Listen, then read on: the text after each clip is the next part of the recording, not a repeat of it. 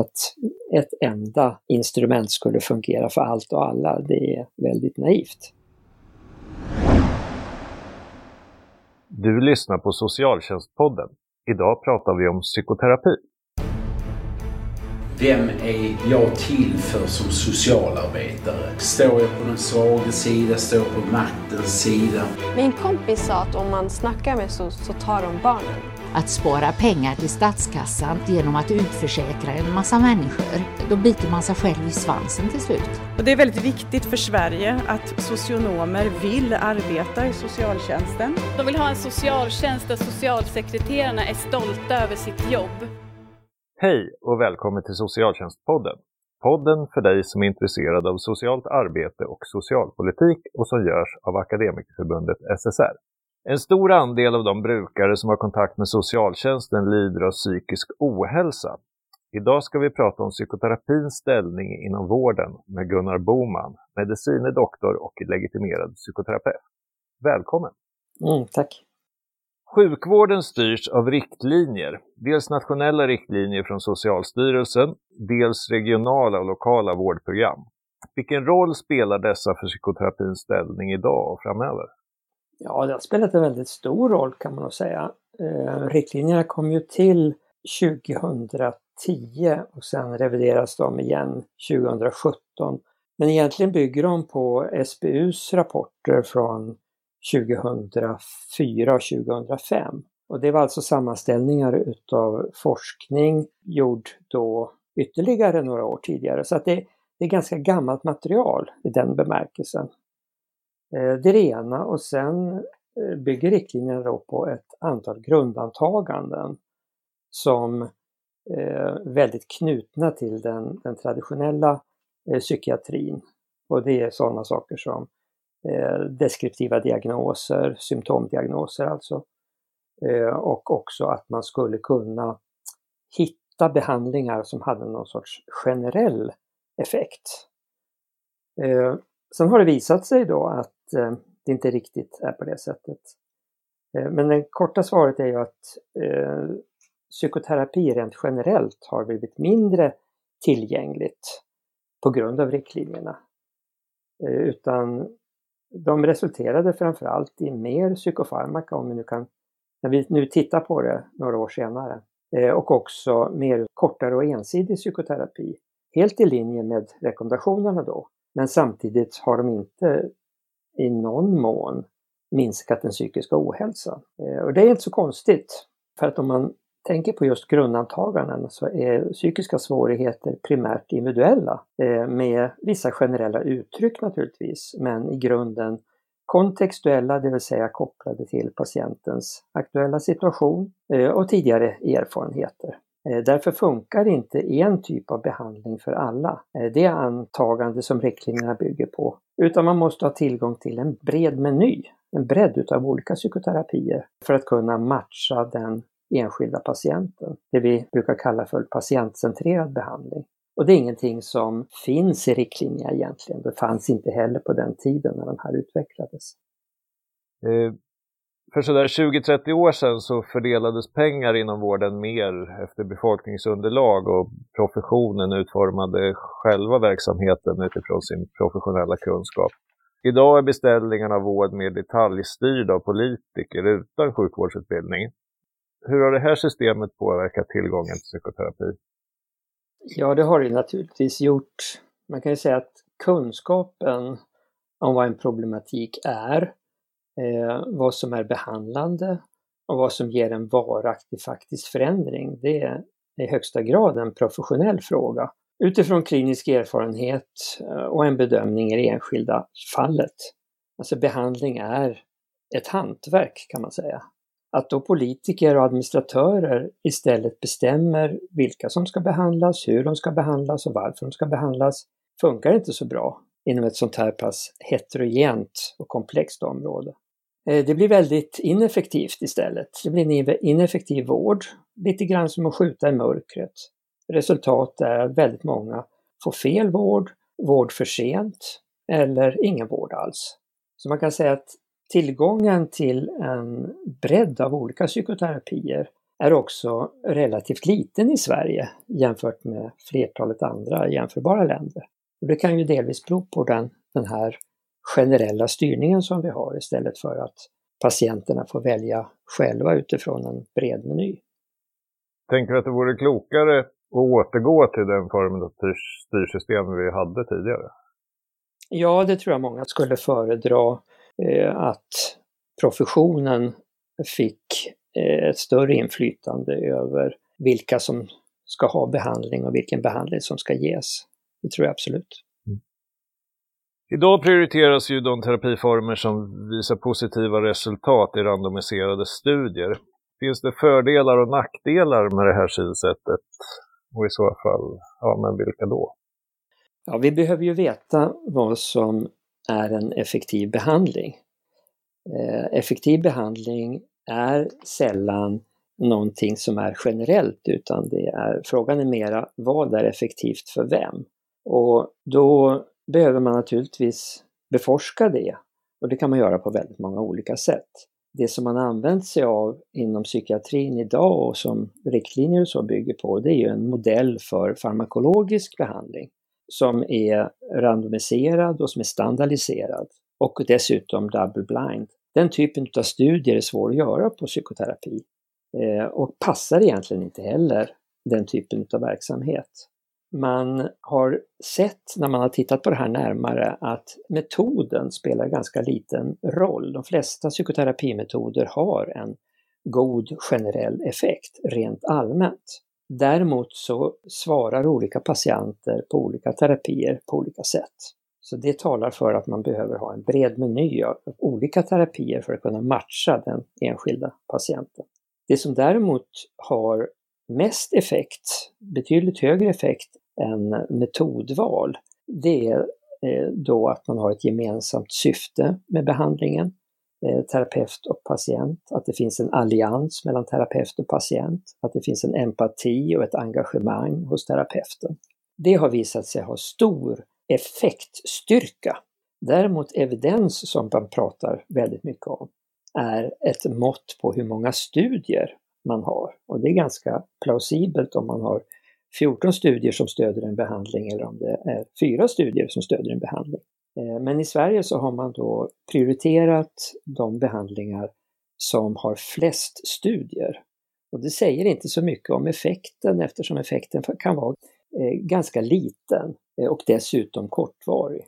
Utan vi behöver snarare prata om effekt än evidens och vi behöver prata om effektiva terapeuter och en effektiv matchning mellan terapeut och patient. Om det här är ett så effektivt sätt att, att ta sig framåt, hur, hur skulle man kunna göra istället, tänker du? Ja, jag tänker att man behöver ha en tillräckligt hög evidens, det vill säga att behandlingar behöver beforskas. Men, eh, och att de, de då har visat i någon mening en generell effekt. Det, man kan säga att det är ett nödvändigt men inte ett tillräckligt krav. Att man har en tillräcklig evidens, att det finns alltså tillräckligt antal studier. Och det finns det för de flesta etablerade psykoterapier som vi använder idag i västerlandet eh, och som också man utbildas i. Sen måste vi stanna och låta den enskilda terapeuten och den enskilda patienten välja behandling utifrån preferenser, utifrån problematik och utifrån kompetens. Eh, så det är inte konstigare än att, att en kirurg har många olika verktyg eller att en snickare har många olika verktyg. Att ett enda instrument skulle fungera för allt och alla, det är väldigt naivt. Du pratade ju tidigare om att eh, de nationella riktlinjerna vilar på, på SBU-studier som de gjorde för ja, men snart 20 år sedan, då, eller 15-20 år sedan. Och vi vet ju att antalet studier har ju ökat kraftigt eh, de senaste åren. Är det så att det har tillkommit mycket studier som, som skulle kunna göra att de här riktlinjerna borde ändras utifrån senare studier? Ja, både ja och nej. Eh, alltså antalet studier eh, hjälper inte så mycket utan det är snarare att man måste fundera över hur pass relevanta är riktlinjerna för den verklighet som den är satt att, att hjälpa. Till exempel att man fortfarande utgår från monodiagnoser är lite underligt eftersom monodiagnoser är ganska ovanligt. Det vill säga att man bara har eh, en eh, generaliserat ångestsyndrom eller att man bara har depression. De flesta patienter har lite utav varje. Och själva idén med symptomdiagnoser är också en sorts defensiv eftergift till att man vet väldigt lite om bakgrunden. Man kan ta reda på bakgrunden i det enskilda fallet, men just därför att eh, människor är olika så har vi olika orsaker till varför vi är och mår som vi är. Och då skulle man behöva mer utav patientcentrerad vård och riktlinjer för eh, behandling av det istället. Istället för som det nu är att man är väldigt bunden vid analogin med somatisk sjukdom. Finns det grupper idag som inte får tillgång till offentligt finansierad psykoterapi som skulle gagna sig av det? Det låter ju som att oh, det redan... Ja. ja, men det gör det verkligen. Eh, det gör det verkligen och det är ganska sorgligt. Eh, alltså man kan göra oerhört mycket på ett tidigt stadium med ganska korta insatser, relativt korta insatser. Om man kommer in tidigt så både barn och unga vuxna som är en stor grupp borde få kvalificerad psykoterapi i en helt annan eh, grad än vad som nu sker. Där alltså eh, 70-80 av barn som söker barnpsykiatrin ställs på psykofarmaka. Och det är ganska märkligt. Beror det här på resursbrister eller på metodbrister eller arbetssätt? Jag tror att egentligen handlar det inte om resursbrister för det här är en väldigt dyr vård samtidigt än vi har idag. Den farmakologiska behandlingen som dominerar vården kostar oerhörda pengar. Dels i själva medicinen men framförallt i vårdkostnaderna som är förknippade med medicinförskrivning. Ett läkarbesök kostar en 4 500. Dessutom så är det förknippat med eh, biverkningar och utsättningsproblem som i sin tur genererar kostnader. Eh, så att det är knappast en ekonomisk fråga utan man skulle kunna organisera vården på ett annat sätt som skulle göra den både effektivare och billigare. Eh, och varför man inte gör det, det beror tror jag att man är återigen fast i den medicinska modellen med diagnos, behandling och utfall. Eh, när man kanske snarare skulle titta på den enskilda patientens situation. Vad för något eh, som kan hjälpa henne och en successiv utvärdering och validering av att man ligger rätt. Att man alltså har ett brett batteri utav olika åtgärder som man kan arbeta med. Och för att det ska vara möjligt så tror jag också att man behöver lyfta ut stora delar utav vården från psykiatrin, från den medicinska modellen. Man brukar prata om en, eh, två olika modeller i det här sammanhanget. Dels den medicinska modellen som sagt bygger på eh, deskriptiva diagnoser och behandling av symptom för att nå en symptomdämpning eller ett symptombortfall. Respektive den kontextuella modellen som istället utgår från patientens aktuella situation och tidigare erfarenheter. Eh, och om man ser det som det som gör sig gällande i en problematik och i svårigheterna.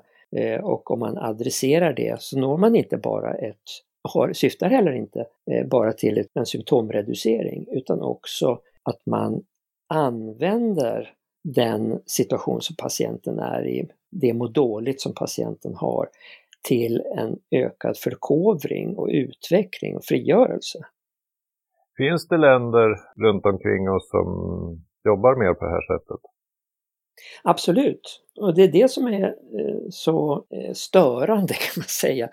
Att de nordiska länderna, eh, framförallt Finland, har ett helt annat system som är både effektivare och billigare och också inte bara ger, vad ska man säga, gynnar samhället i lägre kostnader utan också ger ett betydligt mindre mänskligt lidande. I Finland har man den modellen att eh, eh om man har ett, eh, psykiska svårigheter så eh, har man rätt till psykoterapi som en, som en lagstadgad rätt. Eh, och det har man efter tre månader i den offentliga vården. Så är man inte, tycker man sig inte är hjälpt efter tre månader, då kan man söka psykoterapi hos legitimerad psykoterapeut eh, och man får då en ersättning per timme upp till, om jag minns rätt nu, eh, 300 timmar eller i två år. Och eh, det gör att man har en sorts resurs vid sidan av den etablerade vården istället för att man studsar tillbaka till den. Och man har också möjlighet att välja terapeut och välja metod på samma sätt som vi väljer frisör och tandläkare och allt vad vi gör. Vore det här ett, ett sätt som skulle kunna öka mångfalden av behandlingsmetoder även i Sverige om vi valde den? Absolut skulle det göra det. Eh, det skulle också avlasta primärvården och psykiatrin väldigt kraftigt. Och jag är ganska säker på att det skulle minska sjukskrivningskostnaderna eftersom sjukskrivning är någonting, precis som medicin, som är förknippat med den psykiatriska eh, Eh, vården oavsett om den heter eh, första linjen psykiatri eller om den är den ordinarie psykiatrin. Psykoterapeuter har inte eh, möjligheten att sjukskriva och psykoterapi har en annan approach än vanlig medicinsk behandling. De kompletterar varandra, absolut. Men jag tror att möjligheten till att patienten själv får välja kvalificerad psykoterapi och legitimerad psykoterapeut, det gör att man kommer in på ett annat spår. Eh, ett spår som handlar mer, vad ska jag göra med mig? Snarare än vad ska vården göra med mig? Så att det finns många vinster, förutom eh, de mänskliga och humana så finns det enormt stora samhällsekonomiska vinster i detta. Man ska veta att idag kostar eh, den psykiska ohälsan över 200 miljarder per år i Sverige, vilket är en gigantisk summa. Det är också den största gruppen sjukskrivna, de som är sjukskrivna eh, för psykisk ohälsa. Vet du om eh, kostnaderna för sjukskrivning på grund av psykisk ohälsa är lägre i Finland idag än vad den är i Sverige? Jag ganska säker på det. Jag har inte exakta siffror på det men jag vet att man har utvärderat den här modellen med rehabiliterande psykoterapi som det kallas där. Eh, och då hade man en, för de som var sjukskrivna Eh, så återgick 30% i arbete efter behandlingen. Eh, och det är ett väldigt gott resultat om man jämför med den satsning som gjordes i Sverige på enbart en typ utav psykoterapi, nämligen kort KBT. Där hade man inte alls det resultatet utan eh, man såg ingen effekt på sjukskrivningstalen. Och det, det tror jag man, det har ingenting med, det, det, det är inte att KBT är sämre i sig utan det blir så när man inte har en bredd. Eh, det vill säga när man inte har en eh, patientanpassad vård. Mm. Så vården i Finland och även i Tyskland har man studerat det här och sett att där har man ett liknande system att man har rätt till eh, betald psykoterapi precis som övrig sjukvård. Den ligger också utanför sjukvården på samma sätt som i Finland eh, och man har räknat på det och sett att för varje investerad euro så får man mellan 2,5 och 5 euro tillbaka. Det låter ju något, som något politiker borde älska tycker man. Ja, absolut, det, det, det borde de göra. Vi har ju pratat lite om det innan, men att, att det finns en ökad betoning på effektivitet och korta behandlingar och ja, att mäta behandlingar eller PIN-statistik inom hälso och sjukvården idag. Men samtidigt så finns det en utveckling mot en mer patientcentrerad vård med mer respekt för patienten och, och deras familjer och, och, och fokus på vad, vad, den behöver och sen pratar man mycket om samverkan också i, i det här systemet idag. Så att det, det, finns ju två riktningar som jag kan se det så. Hur skulle psykoterapins ställning kunna stärkas i den här delvis motstridiga eller dubbla utvecklingen inom, inom hälso och sjukvården idag? Jag tror att den absolut kan göra det och att det börjar bli dags, kan man ju säga. Vi har haft en lång period med mätning eh, och eh, med eh, pinnar eh, utifrån New Public Management framför allt Eh, som förskräcker ganska mycket. Det har inte gett en ökad psykisk hälsa. Det har gett en mer av en administration kan man säga. En där man administrerar patienterna. Man gör diagnoser, man bedömer, man utreder, man slussar och så vidare som naturligtvis är, är kostsamt. Eh, men det är inte så mycket av faktisk behandling. Och jag tror att eh, det mest effektiva sättet är återigen, som jag sagt hela tiden här, det är en nära patientanpassad vård som förutsätter en bredd utav olika typer utav åtgärder och framförallt olika typer av psykoterapi, både lång och kort psykoterapi, eh, psykoterapi som utgår från en, en inlärningsteoretiska modeller, psykoterapi som utgår från psykodynamiska psykoanalytiska modeller, psykoterapi som utgår från systemteoretiska modeller och så vidare. Det blir då en effektiv vård. Och det är väl ungefär det som där vi är nu och där vi också kan kika lite grann på eh, andra länder runt omkring och lära av dem. Det låter som du är mer en förespråkare av patientcentrerad vård än av någon form av New Public Management-styr av vården. Ja, det kan man nog gott säga och jag är inte ensam om det. Tack Gunnar för att du har deltagit i Socialtjänstpodden idag. Tack så mycket. Du har lyssnat till Socialtjänstpodden. Podden för dig som är intresserad av socialt arbete och socialpolitik och som görs av Akademikerförbundet SSR.